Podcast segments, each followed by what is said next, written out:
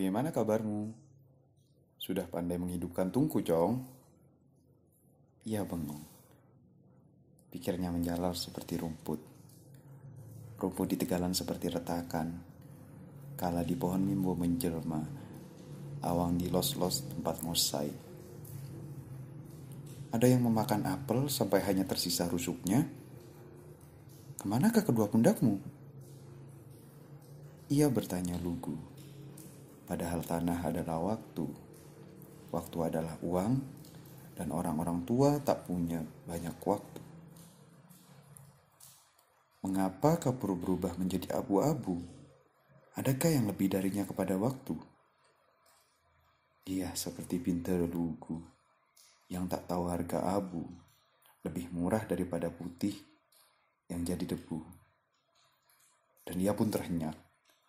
Sekali lagi, seorang pintar lugu.